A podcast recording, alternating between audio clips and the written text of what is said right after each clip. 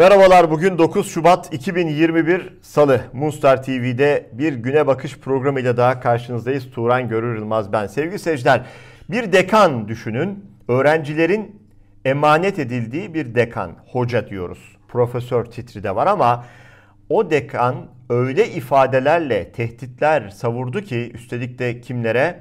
Yine öğrencilere, Boğaziçi Üniversitesi öğrencilerine. Evet, Trakya Üniversitesi İlahiyat Fakültesi Dekanı ve Üniversite Genel Sekreteri Profesör Doktor Cevdet Kılıç sosyal medya hesabından bir paylaşım yapıyor.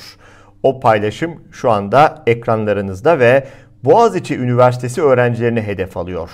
Biz eylem falan yapmayız. Biz gece vakti işi bitirir, ertesi gün işe gideriz. Bilin istedim ifadelerini kullanıyor.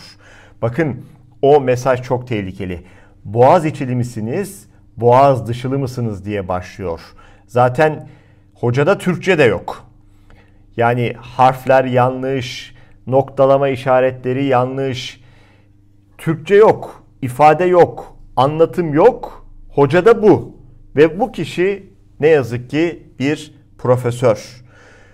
Hedef aldığı kitle ise gencecik insanlar, öğrenciler. Ne diyor bakın siz hani bir ayı geçti eylem yapıyorsunuz ya biz eylem falan yapmayız diyor. Biz gece vakti işi bitirir ertesi gün işe gideriz diyor. Bilin istedim diyor. Ne diyor acaba bu hoca? Ne diyor sevgili seyirciler? Gece vakti işi bitiriyormuş bu insanlar. Kim bunlar? Biz diyor. Sırtını nereye dayamış acaba? Nereden güç alıyor? Herhalde şunu diye olabilirsiniz. Bunu o koltuğa kim oturtturduysa herhalde gücü de oradan alıyor. Çünkü bunun başka anlamı yok. Gece vakti işi bitirmek ne demek? İşi bitirdikten sonra da ertesi gün işe gidiyormuş. O denli de rahat ifadeler bunlar. Daha vahimi ne biliyor musunuz? Daha vahimi şu. Ülkede bu tehditleri edenlere hiçbir şey olmaması. İşte belki de güç aldığı nokta orası işte. Bu insanlara hiçbir şey olmuyor. Bu insanlara öğrenciler, gençler emanet ediliyor ve daha da vahimine biliyor musunuz? Şimdi her boyut daha vahim bu. Bu insan İlahiyat Fakültesi dekanı sevgili seyirciler. Din öğretiyor insanlara, din. Yani Müslümanlığı belki anlatıyor. Artık nasıl anlatıyorsa bilmiyoruz ama gerçekten çok çok vahim. Sevgili seyirciler, Türkiye'de neler mi oluyor? Nasıl bir yapı iktidarda nasıl bir kafa yapısıyla ülke yönetiliyor? Herhalde bunun bence bugüne kadarki en güzel özeti ve anlatım tarzını bakın Ahmet Şık yapıyor. Ahmet Şık özetlemiş sevgili seyirciler. Türkiye siyasi parti kılığına girmiş bir mafyanın elinde. Biraz önceki dekanın Boğaziçi Üniversitesi öğrencilerine yönelik sözlerini ve tehdidini işte Ahmet Şık'ın bu sözlerini yan yana getirerek dinlemek ve anlamlandırmak gerekiyor. Boğaziçi öğrencilerinin kayyım rektör protestolarına destek verdiği için hakkında soruşturma açılıyor biliyorsunuz Ahmet Şık'ın. Ve o, o Ahmet Şık ne diyor? Bundan yılacağımızı sanıyorlarsa kendilerini avutsunlar diyor artı gerçeğe röportaj vermiş. Röportajın tamamını oradan isteyen okuyabilir ama şu sözleri gerçekten tarihe not düşülecek cinsten Türkiye siyasi parti kılığına girmiş bir mafyanın elinde diyor. Şimdi bunu biraz örneklendirelim sevgili seyirciler. Yine o dekanın öğrencilere yönelik tehdidini şuraya alıp koyalım. O bir tarafta dursun. Çünkü bugün programı özellikle buna yönelik hazırladık. Örneklerle nasıl bir kafayla e, ülke idare ediliyor. Bakın Boğaziçi Üniversitesi öğrencilerine destek verdiği için bir gazeteci üstelik de canlı yayında gözaltına alındı. Gazeteci, Evrensel Gazetesi yazarı Ayşen Şahin gözaltına alındı. Üstelik de canlı yayında gözaltına alındı. 8 Mart Kadın Platformu toplantısı vardı o esnada canlı yayında. Farklı katılımcılar da vardı. Kapısı çalındı Ayşe Şahin'in. Kalktı gitti. O sıra tabii yayın devam ediyor. Kapıyı açtı. Polislerin olduğunu gördü. e, kendisini emniyete götürmeye gelmişlerdi polisler. İzin istedi. Üzerini hazırladı. Kıyafetlerini giydi, çantasını hazırladı ve o esnada yayın yaptığı diğer katılımcılara da durumu izah etti. Beni götürüyorlar dedi ve sonrasında da vatan emniyete götürüldü. Neyse ki serbest bırakıldı meslektaşımız. Suçlama ise çok meşhur sevgili seyirciler. Son dönemde çok fazla karşımıza çıkıyor. Halkı kin ve düşmanlığa tahrik. Şimdi dedik ya programın başında üniversite öğrencilerini tehdit eden Trakya Üniversitesi dekanı hiçbir şey olmazken bu dekana ama üniversite öğrencilerinin haklı eylemlerine destek verdiği için bir gazeteci gözaltına alınabiliyor. İşte Türkiye'deki adalet ve hukuk sisteminin geldiği nokta ne diyordu? Biraz önce aktardık Ahmet Şık. Türkiye siyasi parti kılığına girmiş bir mafyanın elinde diyor. Şimdi bu durumu akademisyen Yaman Akdeniz çok güzel bir şekilde özetlemiş o paylaştığı Twitter mesajıyla. Ne diyor bakın Yaman Akdeniz özetlemiş son günlerin gözde suçu TCK 216'ya 1. Neymiş o? Meşhur. Biz de tanıyalım, öğrenelim. Halkı kin ve düşmanlığa tahrik. Bu suç iddiasıyla Beyza Buldağ tutuklandı. Ayşe Şahin gözaltına alındı. Peki dekan Cevdet Kılıç o diğer halktan olduğu için ona bir şey olmaz. Bu suçu ancak o halkı tahrik eden muhalif halk işleyebiliyor. Yersen demiş. Ne güzel özetlemiş akademisyen Yaman Akdeniz programın başında aktardığımız gibi o dekan Cevdet Kılıç'a neden mi bir şey olmuyor? Ne diyor? Bakın o diğer halktan yani TCK'da madde var. Halkı kin ve düşmanlığa tahrik. Bu maddeden Boğaziçi Üniversitesi'nin öğrencileri tutuklanıyor, gazeteciler gözaltına alınıyor. Bunlara bu madde uygulanıyor. Peki gerçekten insanları tehdit edenlere bir şey oluyor mu bu ülkede? Olmuyor maalesef. Yersen diyor Yaman Akdeniz.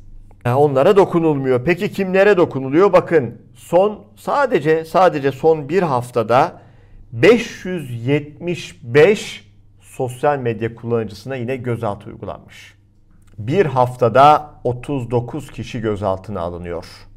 Terör örgütü propagandası söylemiyle tabi iddia bu. 575 kullanıcı tespit ediliyor sevgili seyirciler.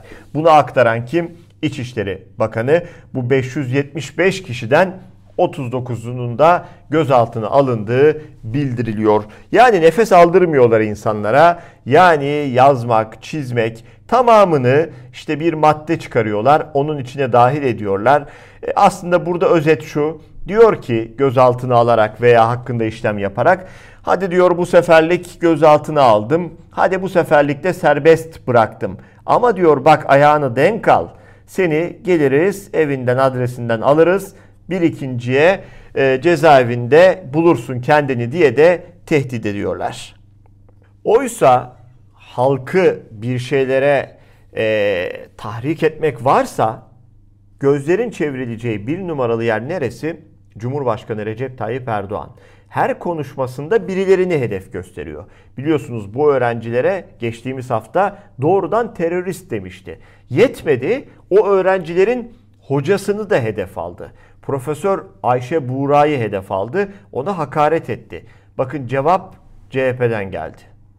Erdoğan ateşi sürekli harlıyor. Cuma namazı çıkışında kim ve nefret dolu sözlerle toplumun sinir uçlarıyla oynamaktan, yeni fay hatları açmaktan da geri durmuyor kadına ve insana bakışındaki sorun nefret diline dökülüyor. Şu cümlelere bir bakar mısınız? Osman Kavala denilen adeta Saros'un temsilcisi olan kişinin karısı da provokatörlerin içerisinde yer alan bir kadındır. Ya bunları tekrarlarken ben sıkılıyorum. Cumhurun başı olduğunu söyleyen, herkesi kucaklaması gereken bir makamda oturan birine yakışıyor mu bu cümleler? Profesör Doktor Ayşe Buğra bu ülkenin yetiştirdiği çok önemli iktisatçılardan biridir. Başarıları dünya çapındadır. Ama kadını sadece bir eşe ve anneye indiren bu zihniyet Sayın Ayşe Buran'ın yaptıklarını ve başarılarını da elbette anlayamıyor. Osman Kavala Erdoğan'ın şahsi garezi nedeniyle şu anda hapiste. Mahkemeler Kavala'yı içeride tutmak için suç üzerine suç uyduruyorlar. Avrupa İnsan Hakları Mahkemesi'nin kararlarını uygulamıyorlar. Ve şimdi Erdoğan eziyet ettiği bu kişinin eşini de Sayın Ayşe Buğra'yı da hedef gösteriyor. Biz bu ayıplı dili kınıyoruz. Erdoğan'ın bu nefret dilini milletimizin vicdanına havale ediyoruz. Tabii şunu da soruyoruz. Memlekette Sorosçuluk suç mu? E o zaman bu resim neyin nesi arkadaşlar? Bu resim neyin nesi? Yer Davos. Masanın bir tarafında Soros, diğer tarafında Erdoğan. Yüzlerinden mutluluk akıyor. Bu memlekette Soros ile aynı yemek masasında oturan tek parti lideri Erdoğan'dır. Davos toplantılarında Soros'a dönüp Türkiye'nin açık toplumu biziz, bizi destekleyin diyen de Erdoğan'dır. Erdoğan Sorosçu mu arıyor? Dönecek, sarayın altın varaklı aynalarına bir bakacak.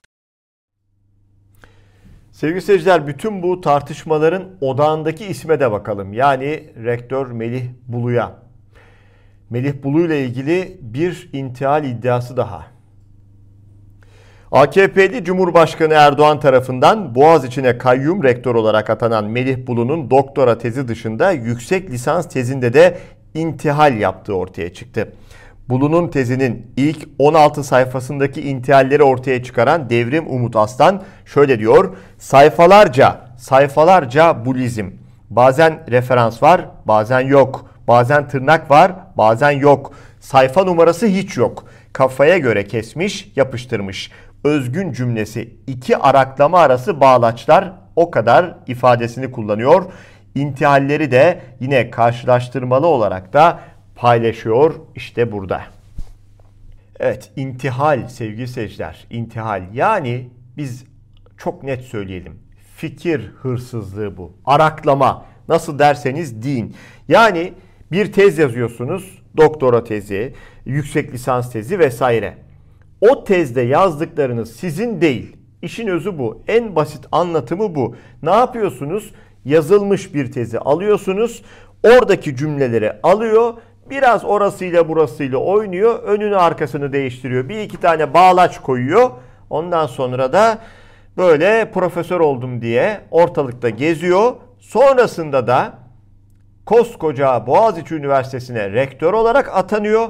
O öğrenciler de bunu bildikleri için istemiyorlar. Bizim böyle hocamız olamaz diyorlar. Bu bize saygısızlıktır diyorlar. Haklı olarak işte bütün olay fırtına buradan kopuyor. O intihalci kişi Melih Bulus'a koltuğunda oturmaya yüzsüz bir şekilde devam ediyor. İşte işin bütün özü bu sevgili seyirciler.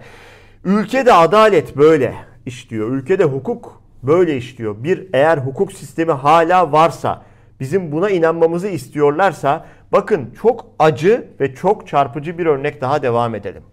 Evet bu acı olayı da hatırlıyorsunuz değil mi? Çorlu tren katliamı. Buna katliam demek gerekiyor çünkü bu bir kaza değil. İhmaller sonucu göstere göstere gelen ve masum insanların ve aralarında çocuklar da vardı hayatını kaybettiği o acı olay. O acı olayda Oğuz Arda da hayatını kaybetmişti. Ekranda görüyorsunuz o küçük kardeşimiz melek oldu. Ve e, annesi Mısra Öz hukuk mücadelesi veriyor. Sürekli bu işi gündemde tutuyor ve sorumluların hesap vermesini istiyor. Tabi sorumlular hesap vermiyor. Çünkü ülkede malum hukuk sistemi böyle işliyor. O sistemden bir adalet çıkmıyor. Ne mi oldu?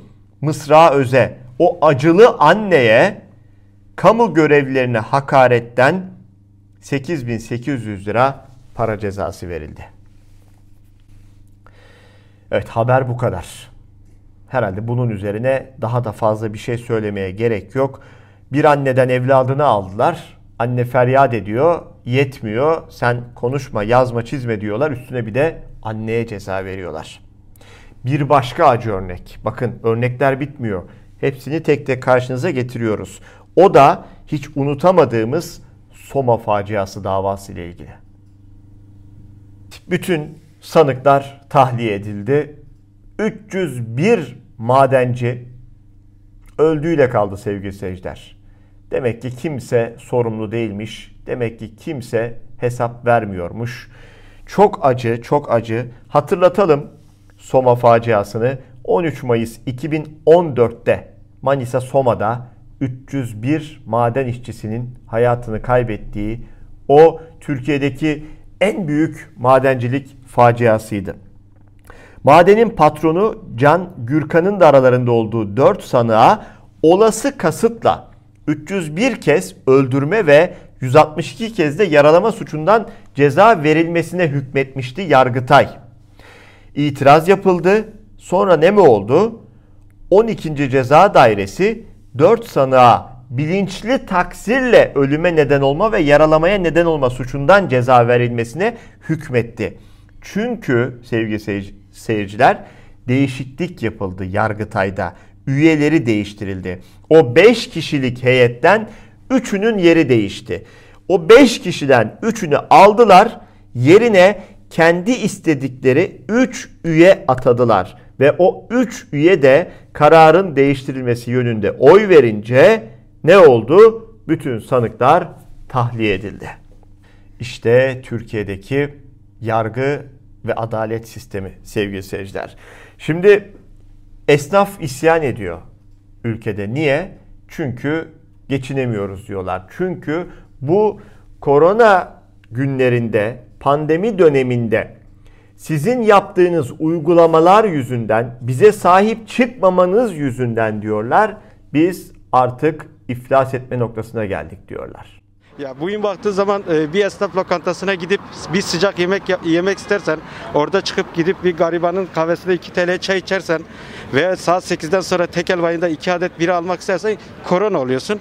Ama bugün Uludağ, Kartepe'ye gidip e, turistik yerlere 3 gece 3 gündüz e, her şey içinde 6000 TL ödeyip AKP'nin kongrelerini tıka basa doldurursan kesinlikle korona olmuyorsun. Çünkü Cumhurbaşkanı mutlu oluyor. Tıka basa salonlar dolduruluyor. Yani burada çifte standart e, uygulanıyor. Alkol kültürüne bence bir müdahaledir bu. Şunu dahi yapamıyorsa eğer bu ülke bu pandemi döneminde bu kadar yasaklar getirirken icra arabalarını o gariban kapılarında bu şekilde dolaştırabiliyorsa yazıklar olsun diyorum. Ben başka bir şey diyemiyorum. Krallıkla yönetilen bir ülke haline gelmişiz. Kral kendi sofrasındaki çayına, tuzuna, biberine bakıyor. Hiçbir şekilde o balkona çıkıp da balkondan halkını seyretmedi. Onun için de e, bu, bu saatten sonra da hiçbir şekilde halkını düşüneceğini zannetmiyorum ben. Düşünseydi bu zamana kadar düşünürdü. Pandemi döneminde dahi eğer ki bir sokağa inip de vatandaşının halini göremeyen bir insan zaten. Tekel bayisi esnafı haksız mı sevgili seyirciler? Sordukları sorularda haksızlar mı? Erdoğan'ın kongrelerinde salon tıktım tıktım dolu oluyor. O salona, salonu dolduran kişilere de Cumhurbaşkanı Erdoğan teşekkür ediyor.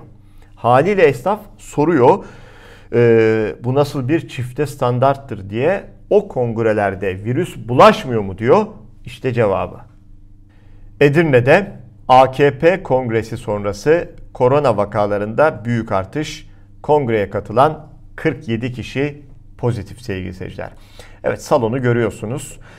Biraz önce esnaf vatandaşın aynen söylediği gibi bu salona gelenlere teşekkür ediliyor.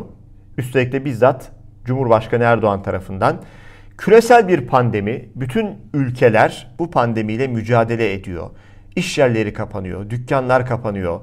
Ee, ama gelişmiş ülkelerde esnafa destek veriliyor. Borçlar erteleniyor vesaire vesaire. Türkiye'de bunlar olmadığı gibi, bunlar olmadığı gibi bir de o esnafa cezalar kesiliyor ama kongrelere katılanlar ödüllendiriliyor, alkışlanıyor.